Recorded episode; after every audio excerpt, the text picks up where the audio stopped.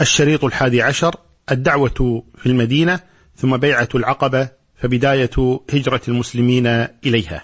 قد مر بنا أن النبي صلى الله عليه وسلم دعا بعض أهل المدينة وأنهم آمنوا به وتابعوه صلوات الله وسلامه عليه. فلما كان من الموسم الثاني وهو موسم الحج وذلك من السنة الثانية عشرة من بعثة النبي صلى الله عليه وآله وسلم. جاء الأنصار إلى النبي صلى الله عليه وسلم وبايعوه بيعة العقبة الأولى.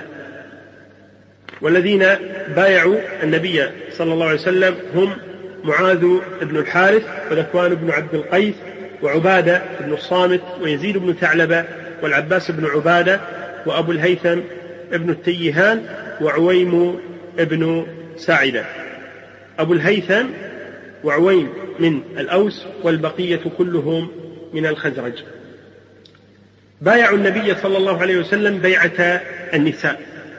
وبيعة النساء هي التي ذكرها الله تبارك وتعالى في قوله جل وعلا يا أيها النبي إذا جاءك المؤمنات يبايعنك على أن لا يشركن بالله شيئا ولا يسرقن ولا يزنين ولا يسرقن ولا يزنين ولا يقتلن أولادهن ولا يأتين ببهتان ولا يأتين ببهتان يفترينه بين أيديهن وأرجلهن ولا يعصينك في معروف فبايعهن واستغفر لهن الله. إن الله غفور رحيم. هكذا كان يبايع النبي صلى الله عليه وسلم الرجال قال عبادة بن الصامت إن رسول الله صلى الله عليه وسلم قال تعالوا بايعوني على أن لا تشركوا بالله شيئا ولا تسرقوا ولا تزنوا ولا تقتلوا أولادكم ولا تأتوا ببهتان تفترونه بين أيديكم وأرجلكم ولا تعصوني في معروف. فمن وفى منكم فأجره على الله. ومن أصاب من ذلك شيئا فعوقب به في الدنيا فهو له كفارة. ومن أصاب من ذلك شيئا فستره الله فأمره إلى الله. إن شاء عاقبه وإن شاء عفى عنه. قال فبايعناه على ذلك. وهذا الحديث رواه الإمام البخاري في صحيحه. ثم بعد ذلك أرسل النبي صلى الله عليه وسلم مصعب بن عمير يدعوهم إلى الإسلام. ونجح مصعب بن عمير نجاحا باهرا في دعوته إلى الله تبارك وتعالى. وهاتان قصتان لرجلين أسلما على يد مصعب بن عمير فكان في إسلامهما خيرا عظيما فكان في إسلامهما خير عظيم لهذا الدين العظيم. أو القصة الأولى أن أسعد بن زرارة خرج يوما مع مصعب بن عمير يريد دار بني عبد الأشهل ودار بني ظفر. يقول فدخل في حائط من حوائط بني ظفر وجلس على بئر يقال لها بئر مرق واجتمع إليهما رجال من المسلمين. وسعد بن معاذ وأسيد بن حضير كان سيدي قومهما من بني عبد الأشهل وكان على الشرك. فلما سمع بذلك قال سعد بن معاذ لأسيد بن حضير اذهب إلى هذين يعني أسعد بن زرارة ومصعب بن عمير. اذهب إلى هذين اللذين قد أتيا ليسفها ضعفاءنا فازجرهما وانههما عن أن يأتيا دارنا.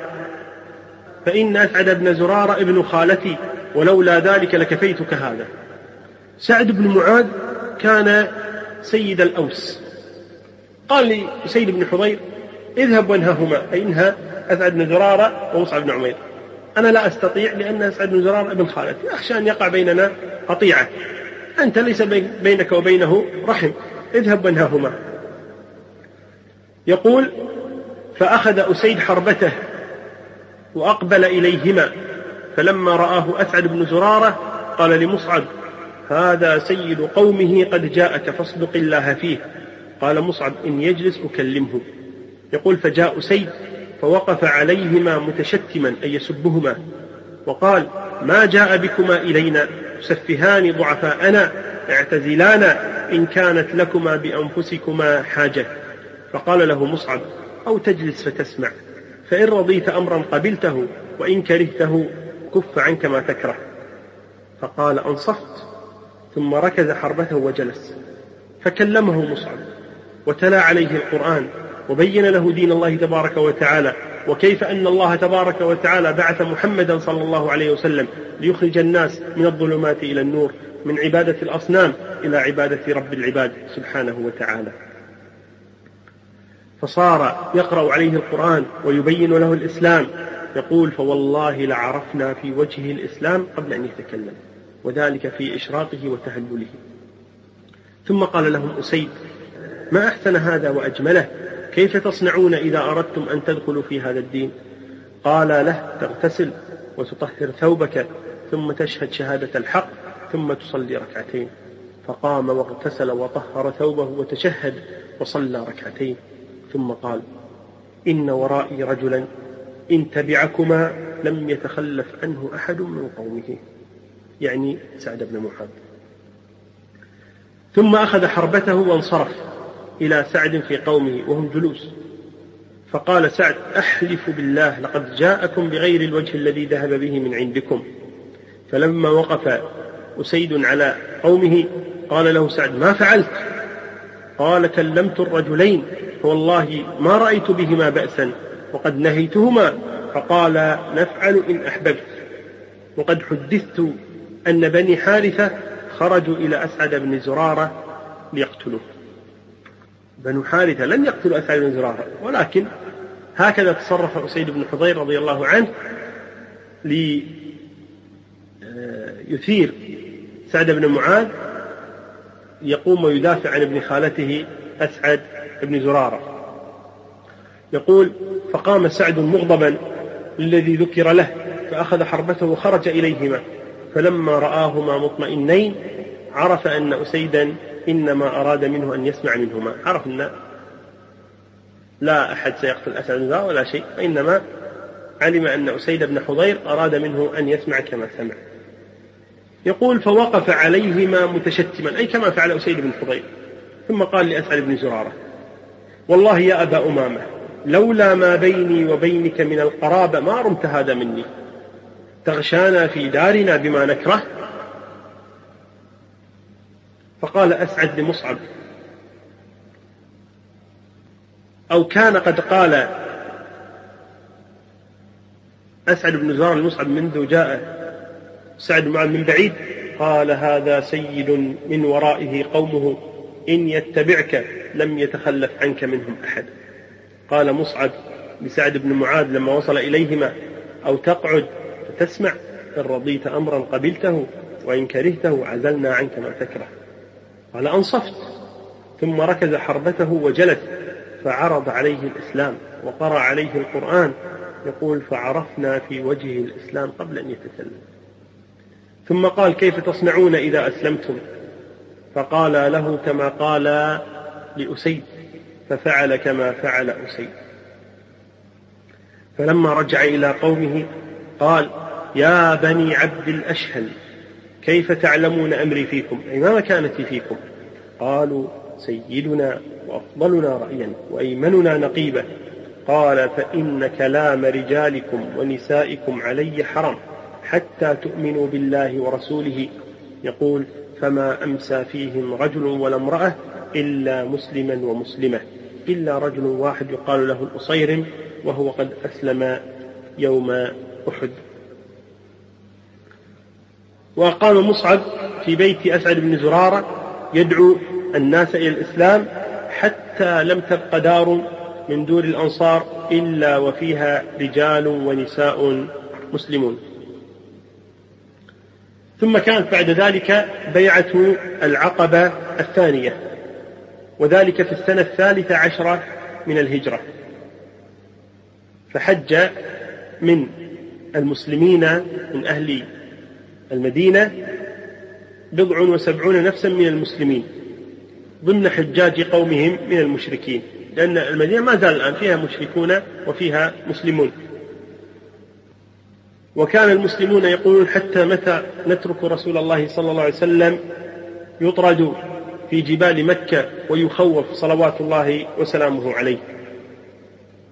يقول كعب بن مالك خرجنا إلى الحج وواعدنا رسول الله صلى الله عليه وسلم بالعقبة في من أوسط أيام التشريق أي في الثاني عشر من ذي الحجة. يقول وكانت الليلة التي واعدنا رسول الله صلى الله عليه وسلم لها ومعنا عبد الله بن عمرو بن حرام سيد من ساداتنا وشريف من أشرافنا وهذا والد جابر بن عبد الله الصحابي. يقول أخذناه معنا وكنا نكتم من معنا من قومنا من المشركين أمرنا. أي لا نظهر لهم أننا مسلمون أو أننا موعدون للنبي صلى الله عليه وآله وسلم. يقول فكلمنا عبد الله بن عمرو بن حرام. وقلنا له يا أبا جابر إنك سيد من ساداتنا وشريف من أشرافنا وإنا نرغب بك عما أنت فيه أن تكون حطبا للنار غدا. ثم دعوناه إلى الإسلام وأخبرناه بموعد رسول الله صلى الله عليه وسلم فأسلم وشهد معنا العقبة وكان نقيبا من النقباء. قال كعب فنمنا تلك الليلة مع قومنا في رحالنا. حتى مضى ثلث الليل خرجنا من رحالنا لميعاد رسول الله صلى الله عليه وسلم. نتسلل تسلل القطا مستخفين. قطا طيور. حمام. يقول حتى اجتمعنا في الشعب عند العقبة ونحن ثلاثة وسبعون رجلا وامرأتان من نسائنا نسيبة بنت كعب وهي أم عمارة وأسماء بنت عمرو من بني سلمة. يقول فاجتمعنا ننتظر رسول الله صلى الله عليه وسلم حتى جاءنا ومعه عمه العباس بن عبد المطلب والعباس يومئذ على دين قومه إلا أنه عم النبي صلى الله عليه وسلم فجاء أراد أن يعرف ماذا هم صانعون بابن أخيه. فلما اجتمع بهم النبي صلى الله عليه وسلم كان أول المتكلمين عم النبي صلى الله عليه وسلم العباس بن عبد المطلب. فقال يا معشر الخزرج. طبعا قال الخزرج لأن الخزرج أكثر من الأوس. والعرب كانت تسمي الأوس والخزرج بالخزرج لكثرتهم فقال يا معشر الخزرج إن محمدا منا حيث قد علمتم أي في النسب والمكانة والمحبة وقد منعناه من قومنا ممن هو على مثل رأينا فيه يعني من الكفر. فهو في عز من قومه ومنعة في بلده وإنه قد أبى إلا الانحياز لكم واللحوق بكم فإن كنتم ترون أنكم وافون له بما دعوتموه إليه ومانعوه ممن خالفه فأنتم وما تحملتم من ذلك وإن كنتم ترون أنكم مسلموه وخاذلوه بعد الخروج به إليكم فمن الآن فدعوه فإنه في عز ومنعة من قومه وبلده. يعني يريد أن يطمئن على ما سيكون لابن أخيه صلوات الله وسلامه عليه. فقال كعب قلنا له قد سمعنا ما قلت فتكلم يا رسول الله فخذ لنفسك ولربك ما أحببت. فقال النبي صلى الله عليه وسلم تبايعوني؟ فقالوا يا رسول نبايعك على ماذا؟ قال على السمع والطاعة في النشاط والكسل. وعلى النفقة في العسر واليسر وعلى الأمر بالمعروف والنهي عن المنكر وعلى أن تقوموا في الله لا تأخذكم في الله لومة لائم وعلى أن تنصروني إذا قدمت إليكم وتمنعوني مما تمنعون منه أنفسكم وأزواجكم وأبناءكم ولكم الجنة.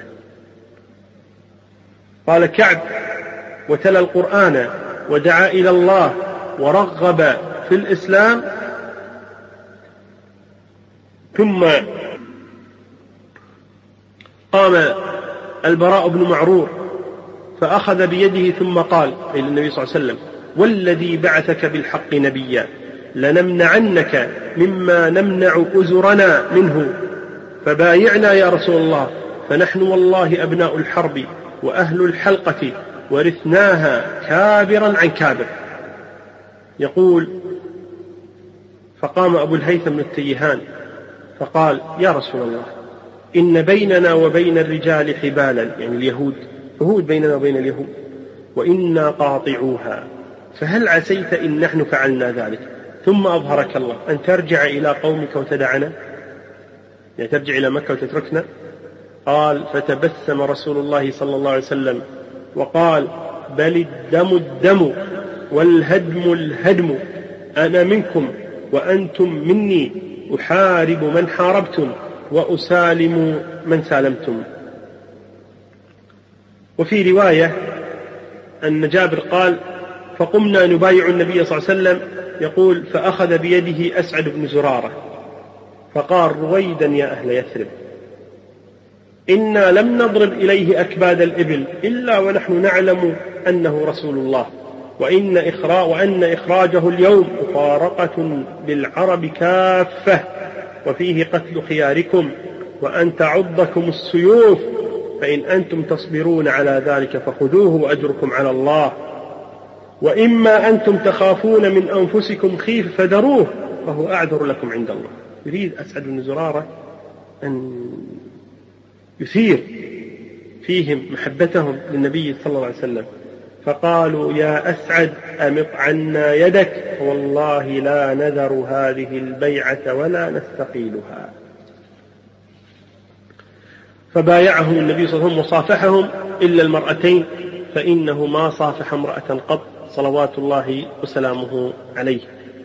ثم جعل عليهم اثني عشر نقيبا تسعة من الخزرج وثلاثة من الأوس. أما نقباء الخزرج فأسعد بن زرارة وسعد بن الربيع وعبد الله بن رواحة ورافع بن مالك والبراء بن معروف وعبد الله بن عمرو بن حرام وعبادة بن الصامت وسعد بن عبادة والمنذر بن عمرو. وأما نقباء الأوس فأسيد بن حضير وسعد بن خيثمة ورفاعة بن عبد المنذر. ثم ذلك ثم بعد ذلك أي بعد أن تمت هذه البيعة بين النبي صلى الله عليه وآله وسلم والمسلمين الذين بايعوه صاح الشيطان وقال يا أهل الأخاشب يعني يا أهل المنازل هل لكم في محمد والصبا قد اجتمعوا على حربكم؟ فقال رسول الله صلى الله عليه وسلم هذا أزب العقبة يعني الشيطان. أما والله يا عدو الله لأتفرغن لك. ثم أمرهم أن يرجعوا إلى رحالهم. لما سمعت قريش هذا الصوت جاءت إلى أهل يثرب فقالت لهم يا معشر الخزرج إنه قد بلغنا أنكم قد جئتم إلى صاحبنا هذا تستخرجونه من بين أظهرنا وتبايعونه على حربنا وإنه والله ما من حي من العرب أبغض إلينا من أن ننشب معه الحرب منكم. فقام مشرك المدينة مشرك يثرب فقالوا والله ما وقع شيء من هذا ولا تم شيء من هذا وصاروا يحلفون بالله ما وقع شيء من هذا. فأتى الناس عبد الله بن أبي بن سلول وكان سيدا من سادات الخزرج فجعل يقول هذا باطل وما كان هذا وما كان قومي ليفعلوا مثل هذا إلا وأخبروني. فزالت فاستمرت قريش يعني تبحث وتستقصي. الأخبار حتى تأكد لديهم أن الخبر صحيح والبيعة قد تمت. فلما نفر الحجيج سارع فرسانهم بمطاردة أهل يثرب ولكن بعد فوات الأوان ولكنهم تمكنوا من الإمساك أو تمكنوا من رؤية سعد بن عبادة والمنذر بن عمرو فطاردوهما فهرب أو فر منهم وأعجزهم المنذر بن عمرو وأمسكوا سعد بن عبادة فربطوا يديه إلى عنقه وجعلوا يضربونه ويجرون شعره حتى أدخلوه مكة. فجاء المطعم بن عدي والحارث بن حرب فخلصاه من أيديهم. وذلك أن سعد بن عبادة من سادات أهل المدينة. وبعد أن تمت بيعة العقبة الثانية بين النبي صلى الله عليه وآله وسلم وأهل المدينة أهل طيبة بدأ المسلمون يهاجرون وحاول المشركون صد المسلمين عن الهجرة. وكان أول المهاجرين أبو سلمة. هاجر قبل العقبة الكبرى بسنة. على ما ذكره ابن إسحاق وغيره وأخذ معه زوجته وابنه أي أخذ أم سلمة وولدهما سلمة. فجاءه أصهاره أي أهل زوجته فقالوا له أما نفسك فلا نستطيعها أي ما نستطيع أن نمنعك من الهجرة. أرأيت صاحبتنا هذه على ما نتركك تسير بها في البلاد؟ فوالله لا ندعها معك. فأخذوا منه زوجته. ومن الطبيعي جدا أن ولده سلم الصغير رجع مع أمه. فغضب آل أبي سلمة. كيف تأخذون من الرجل زوجته؟ فقالوا إذا فعلتم ذلك فنحن نأخذ ابننا. فأخذوا سلم من أمه. فتشتت أمر هذه العائلة الصغيرة. أبو سلمة هاجر أم سلمة أخذها قومها وسلمة أخذه قوم أبيه. وانطلق أبو سلمة وحده إلى المدينة وكانت أم سلمة بعد ذهاب زوجها وأخذ ابنها منها تخرج إلى الأبطح تبكي حتى تمسي. واستمرت على ذلك الأمر سنة كاملة وهي تبكي فراق زوجها وفراق ابنها. فرق لها أحد ذويها وقال ألا تخرجون هذه المسكينة؟ فرقتم بينها وبين زوجها وولدها. فقالوا لها الحقي بزوجك إن شئت. فذهبت إلى أهل زوجها فأعطوها ولدها ثم هاجرت خلف زوجها إلى المدينة. ولكنها لما خرجت لم يكن معها أحد. فلقيها في الطريق عثمان بن طلحة بعد أن عرف حالها شيعها أي تابعها وصار معها آه، يجاريها في السير حتى وصل بها إلى المدينة. فلما وصل إلى المدينة قال زوجك في هذه القرية فادخليها على بركة الله ثم انصرف إلى مكة. هذه صورة من صور المهاجرين وكيف عانوا عند خروجهم من مكة إلى المدينة فارين بدينهم. وهذه صورة أخرى وهي هجرة صهيب بن سنان الرومي أبو يحيى رحمه الله تبارك وتعالى ورضي عنه وذلك أنه لما أراد الهجرة جاءه كفار مكة فقالوا أتيتنا صعلوكا حقيرا؟ فكثر مالك عندنا وبلغت الذي بلغت أي من المال. ثم تريد أن تخرج بمالك ونفسك والله لا يكون ذلك. سبحان الله. ما سرق مالهم ولا غشهم ولا راباهم وإنما اشتغل بعرق جبينه ومع هذا قالوا له لا تخرج أنت ومالك أبدا. فقال لهم صهيب أرأيتم إن جعلت لكم مالي؟ أتخلون سبيلي؟ قالوا نعم. قال فإني قد جعلت لكم مالي. فبلغ هذا الأمر رسول الله صلى الله عليه وآله وسلم فقال ربح البيع ربح البيع. وذكر بعض أهل العلم أن قول الله تبارك وتعالى ومن الناس من يشري نفسه ابتغاء مرضات الله والله رؤوف بالعباد. أنها نزلت في صهيب الرومي رضي الله تبارك وتعالى عنه وأرضاه.